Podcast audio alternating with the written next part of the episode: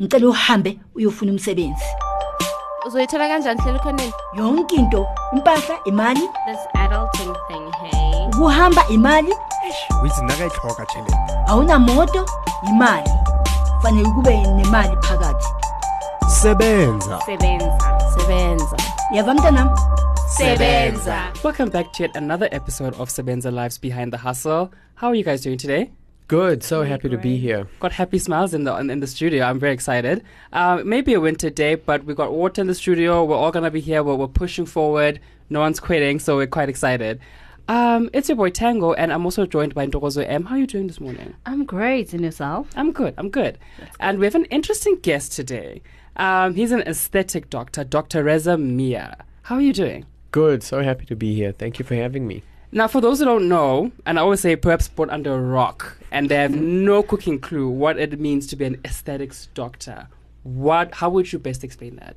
It's one of the newer fields of medicine, and it really is involving all of the non-surgical methods of keeping people looking young and, and feeling good. Mm-hmm. So things like botulinum toxin, dermal fillers, uh, platelet-rich plasma in the face and hair, really anything that we can do without cutting people open, that falls under aesthetic medicine. And it's a very evolving field, actually. It changes almost every day. Now, when someone says aesthetics to me, I think Instagram, I think Kim Kardashian, I think plastic surgery. Is that really the right stereotype I'm giving here, or? It is, yeah. I mean, that's uh, what we find. Instagram has led to a lot more people looking to do dermal fillers and Mm. toxins and that type of thing because they want to look good in their selfies and they want to look like their their Instagram idols. Now, it's it's not always limited the work that you do to just the luxurious side of just making sure I look a certain way. Um, you also work with people who've gone through with injuries as well. Injuries, scars, burns. Uh, we actually started something called Project Restore Mm. to help people who have had, um, you know, debilitating injuries. Like uh, one lady was attacked with acid by her ex-boyfriend. Ooh. and just thought, look, she doesn't have money to do this type of stuff, so became a recluse, you know, Mm. and that's what people do. They hide away. And we wanted to make this available because stuff you can fix with uh, effort and work. You can actually erode those scars down and make things better. And so that's what Project Restore was about, was helping people like that who uh, perhaps needed the treatment but couldn't pay for the treatment. Now let's jump back to young Reza. I want to go back to That's that. where I that- wanna that- go. yeah, like when you went, okay, this is what I want to do with my life. What was that process? That never happened. So i was about to say that like you know um in our in different cultures right there's certain experts where um probably if you're black your parents will be like okay you need to do one two three four five. And then we all know even though it's more like stereotypical but if you're indian it's either you're gonna be a doctor or an accountant. So what was your case Do you know that's it's it's funny because that's actually what my parents said. So they said, "Oh, you need to do law or medicine or, or you know do something with finance, but not a BCom." And I actually wasn't sure about what to do. So as a young child, I wanted to become a pilot, and I think that's why I'm working on this Pegasus project, which Yes. is designing a plane. Yeah. very exciting. Maybe we'll tell you more later, Mhm, but. mhm. Um, after school, I wasn't sure what to do. I applied for a few things, and I just thought, let's see what, you know, which way I go. And from there, I just thought, if I work hard and trust in the universe, I'll go where I'm supposed to go. And it's really been like that. I've almost just been a passenger here, working hard, but um, so I row the boat, but I don't know where it was going. I wasn't steering the boat, and. There was uh, Dr. Ray. I don't know if you remember him from Dr. 90210. Yes. yes yes So yes he had a skincare range. After internship in com service, I worked at Baragwanath and Joburg Gen. And I thought I wasn't sure what to do. Mm. Still, you know, was medicine for me? Was I meant to stay? I started doing a lot of business stuff. I did an MBA and distributing Dr. Ray's cream. He had one that had a botulinum toxin effect. It was meant to relax skin.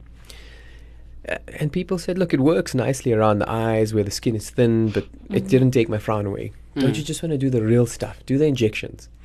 I said, well, I don't know how to do that. They don't teach you that in med school. Uh, and then I thought, after the 10th person, I said, look, someone's trying to tell me something here. I'll just go do the course just for these people who keep nagging me. And so I went, did the course, started to do those patients almost uh, like in my office. And they kept coming back and they kept bringing their sisters and brothers and uh, referring me and new people until that very part time job became the full time job. Mm. And since then, uh, I guess I've just been applying my innovative mind to these aspects and looking for ways to make them work better. And it really has uh, helped us to grow quite a bit to the point where we've uh, invented techniques and methods and then gone to teach them in London and Monaco. And uh, that is quite exciting for us.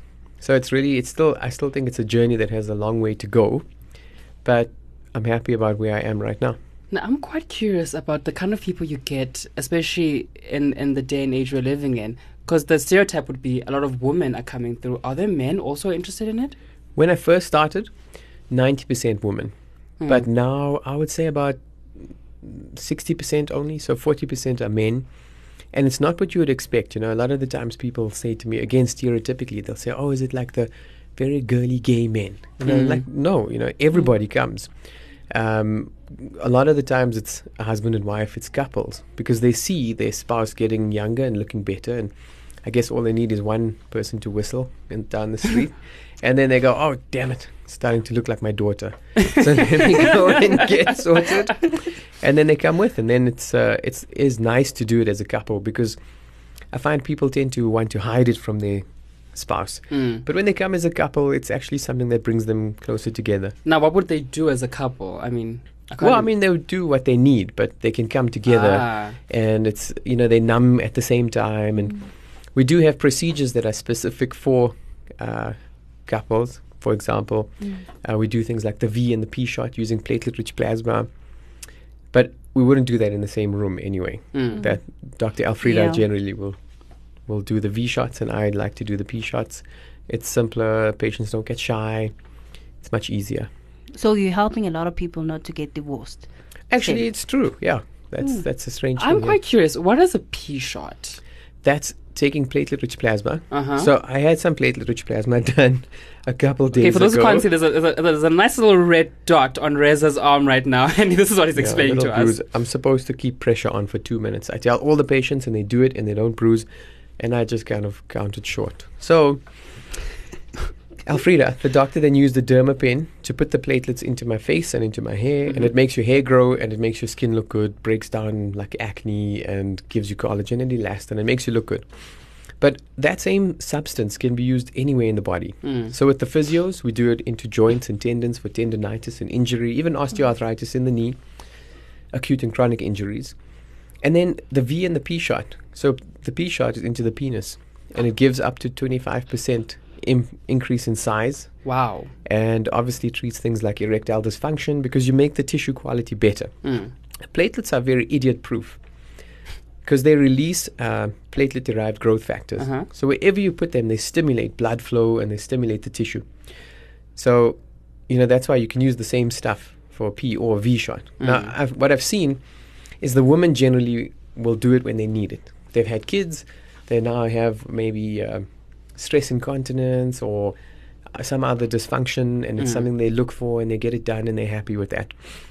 The men kind of see the sign and they're like, "Hey, what's this P shot? Oh, oh, what twenty five percent? Oh, oh, let's They- do it. They're Let's never do it." prepared. And I just, I, I'm like, what do you mean? Like now? Like, yeah, let's do it now. I want to see. I want to do this. Some of them actually do it just to see. Um, but a lot of them, especially when they do have uh, an erectile dysfunction, whether it's psychological or physical, it treats it quite nicely because if it's psychological, it gives them the excuse to not have it anymore. Mm. And uh, if it's physical, obviously it improves the texture and quality of the venous sinuses, and so it works better. Hmm, all right. We're going to take a small break. And once we get back, we're going to get into Reza's work in the aeronautics with the Pegasus vertical business jet, if I'm correct. Yeah, perfect. All right. You sound smart right now. Thank you. we'll be right back.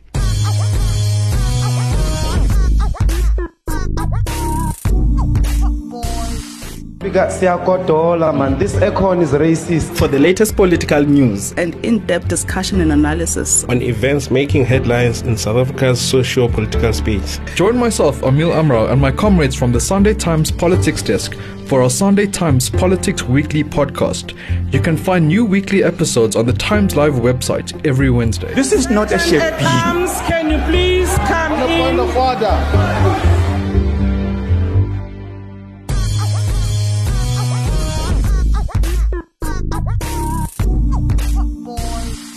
Right, welcome back, guys. We're gonna get into aeronautics now. I think something you probably didn't expect. When we were talking about aesthetics.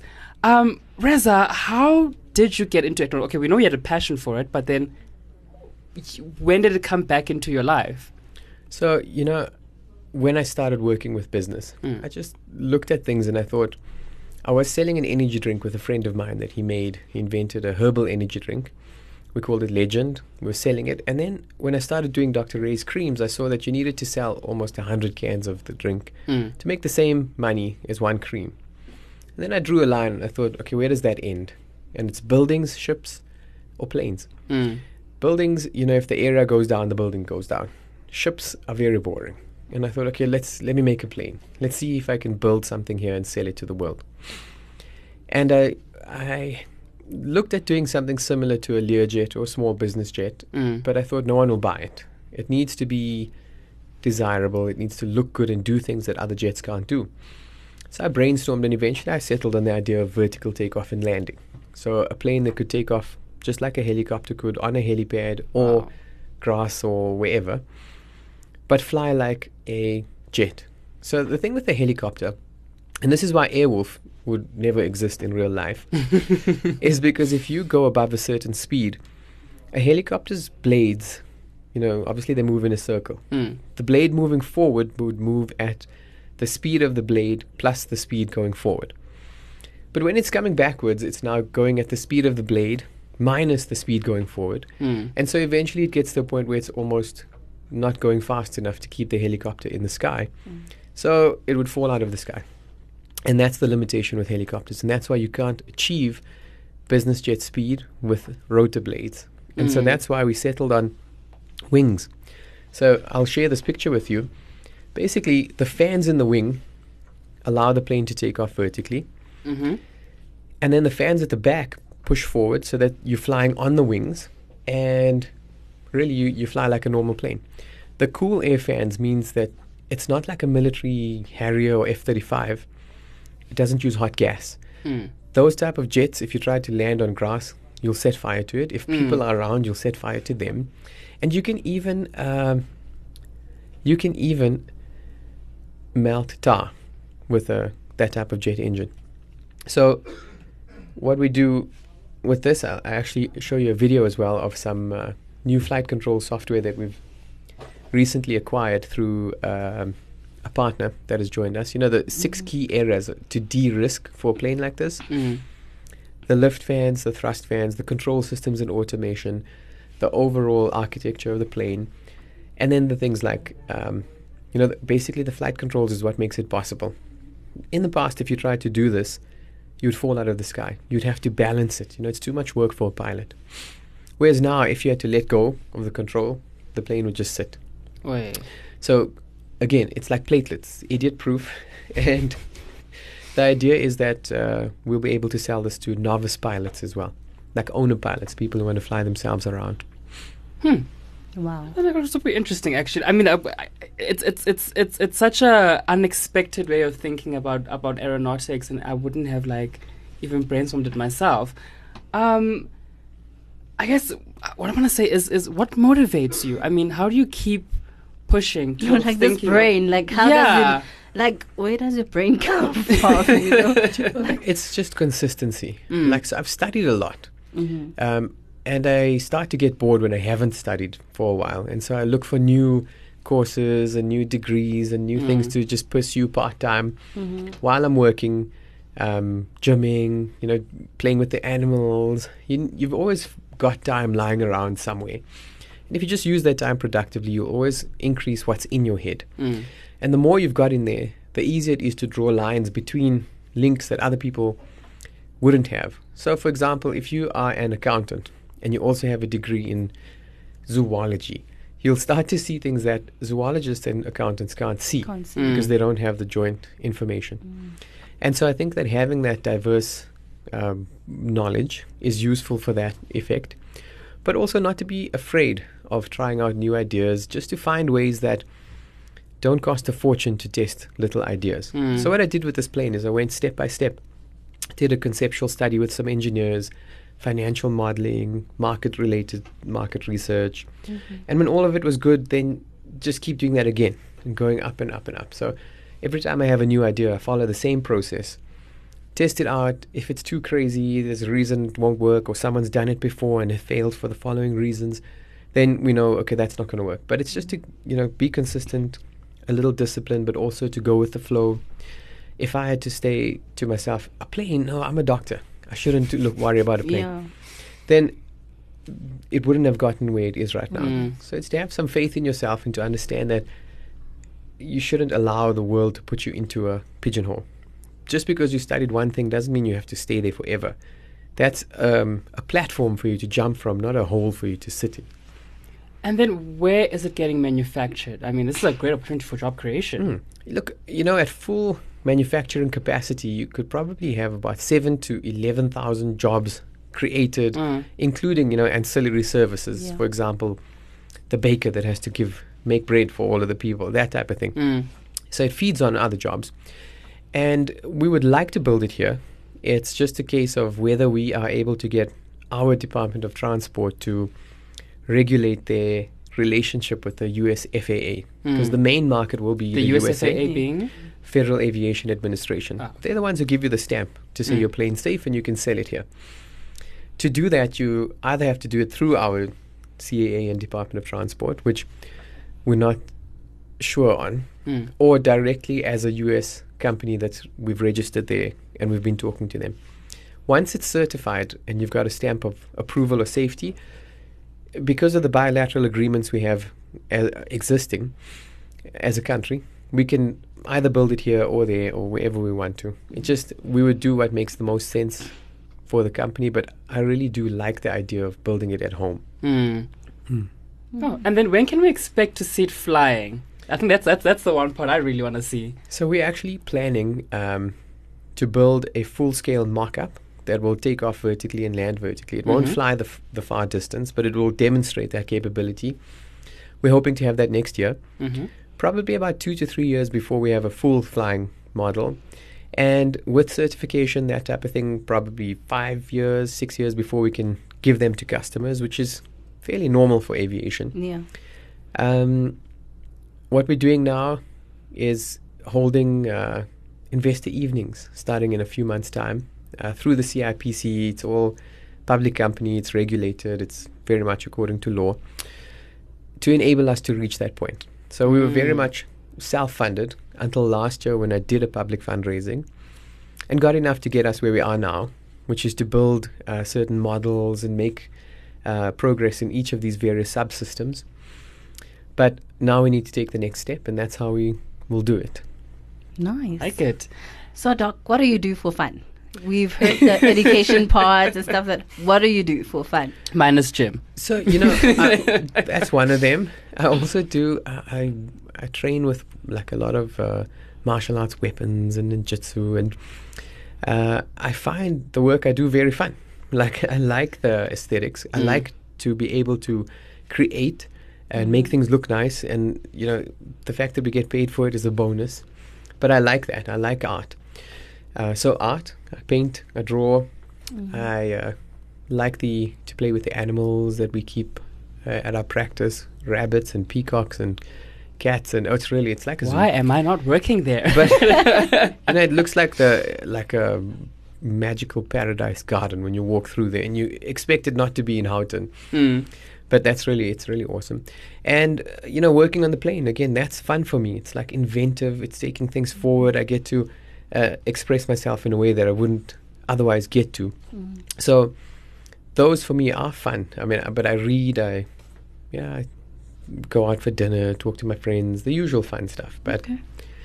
I think that's uh, that's. I, I think I'm lucky that Mm. I get to do a lot of work that I like. You spend so much time changing lives. I mean, I can imagine people come out of your your, your practice going like crying, going, "Oh my God, you've done so much for me." But how does that usually impact you as well? Is there sometimes where you're like quite emotionally attached to some- someone's change, or sometimes perhaps sad? No, you know, it, it makes us happy. Mm. Like when somebody gets off that chair, looks in the mirror, and goes, "Wow, wow, I can't believe you did that. I can't believe I have a new nose with just filler." Mm. That for us is very satisfying. Makes us happy. The only time we'd be sad is if uh, you know somebody had a problem we couldn't fix. Has that happened before? Um, for now, you know, there's nothing that you can say to somebody. There's nothing we can do. Mm. We can always refer them for surgical stuff. For now, we're limited to things like eyelid surgery. That we have to send people for surgery. Yeah. Um, but it's more, you know, if they've got a problem that they are, you know, we don't have the tools to fix. For Mm. example, sometimes it's a nerve disorder. A lot of the times, just botulinum toxin in the right place works. But sometimes it's beyond what we do. It might be like in their head. Uh, we've actually done a lot as far as keeping people from surgery in not just cosmetic surgery.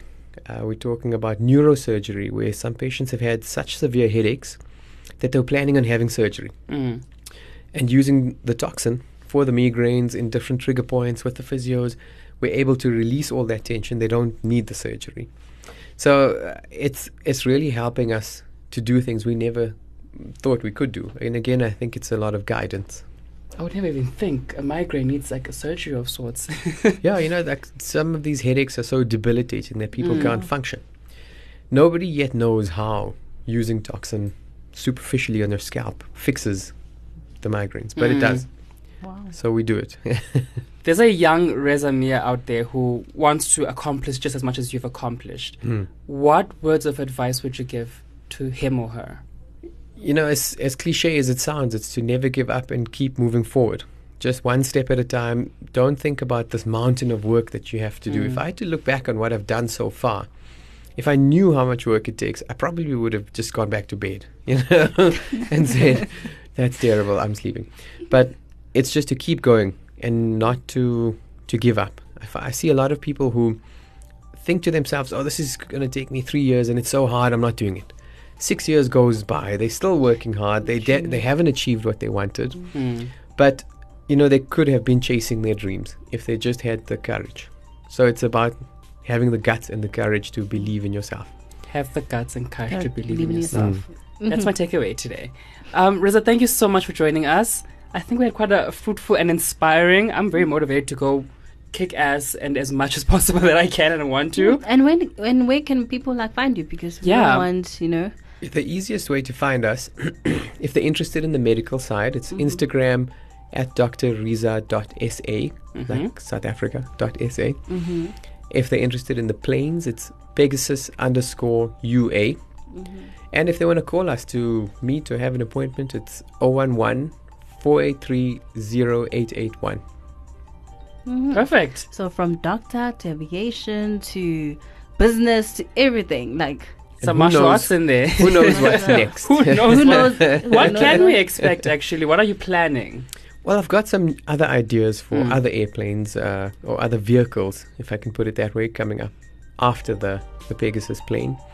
And I'm working on a study now to explore uh, methods of removing the risks associated with incorrect filler use. So, uh, there's been a lot of attention recently on fillers that could potentially cause blindness. Mm-hmm. And you know, it makes people scared to do it when it's not necessary to be scared. If you inject in the right place, uh, with the right pressure and the right types of stuff, and, and take the right steps. So that's something I'm working on now as well to give guidelines to people so that they don't suffer those side effects. Ah, love that. yeah. All right, Reza, thank you so much. Thank you. This has been a real pleasure. Thank you. I'm waiting for this update. I'm, I'm gonna be right there at the front row when that f- the, the first plane flies next year. I definitely want to be there. I want to see this. Oh, that would be fun. I'll Short make sure. man. I'll remember that. Most definite. Thank you so much. Thank you.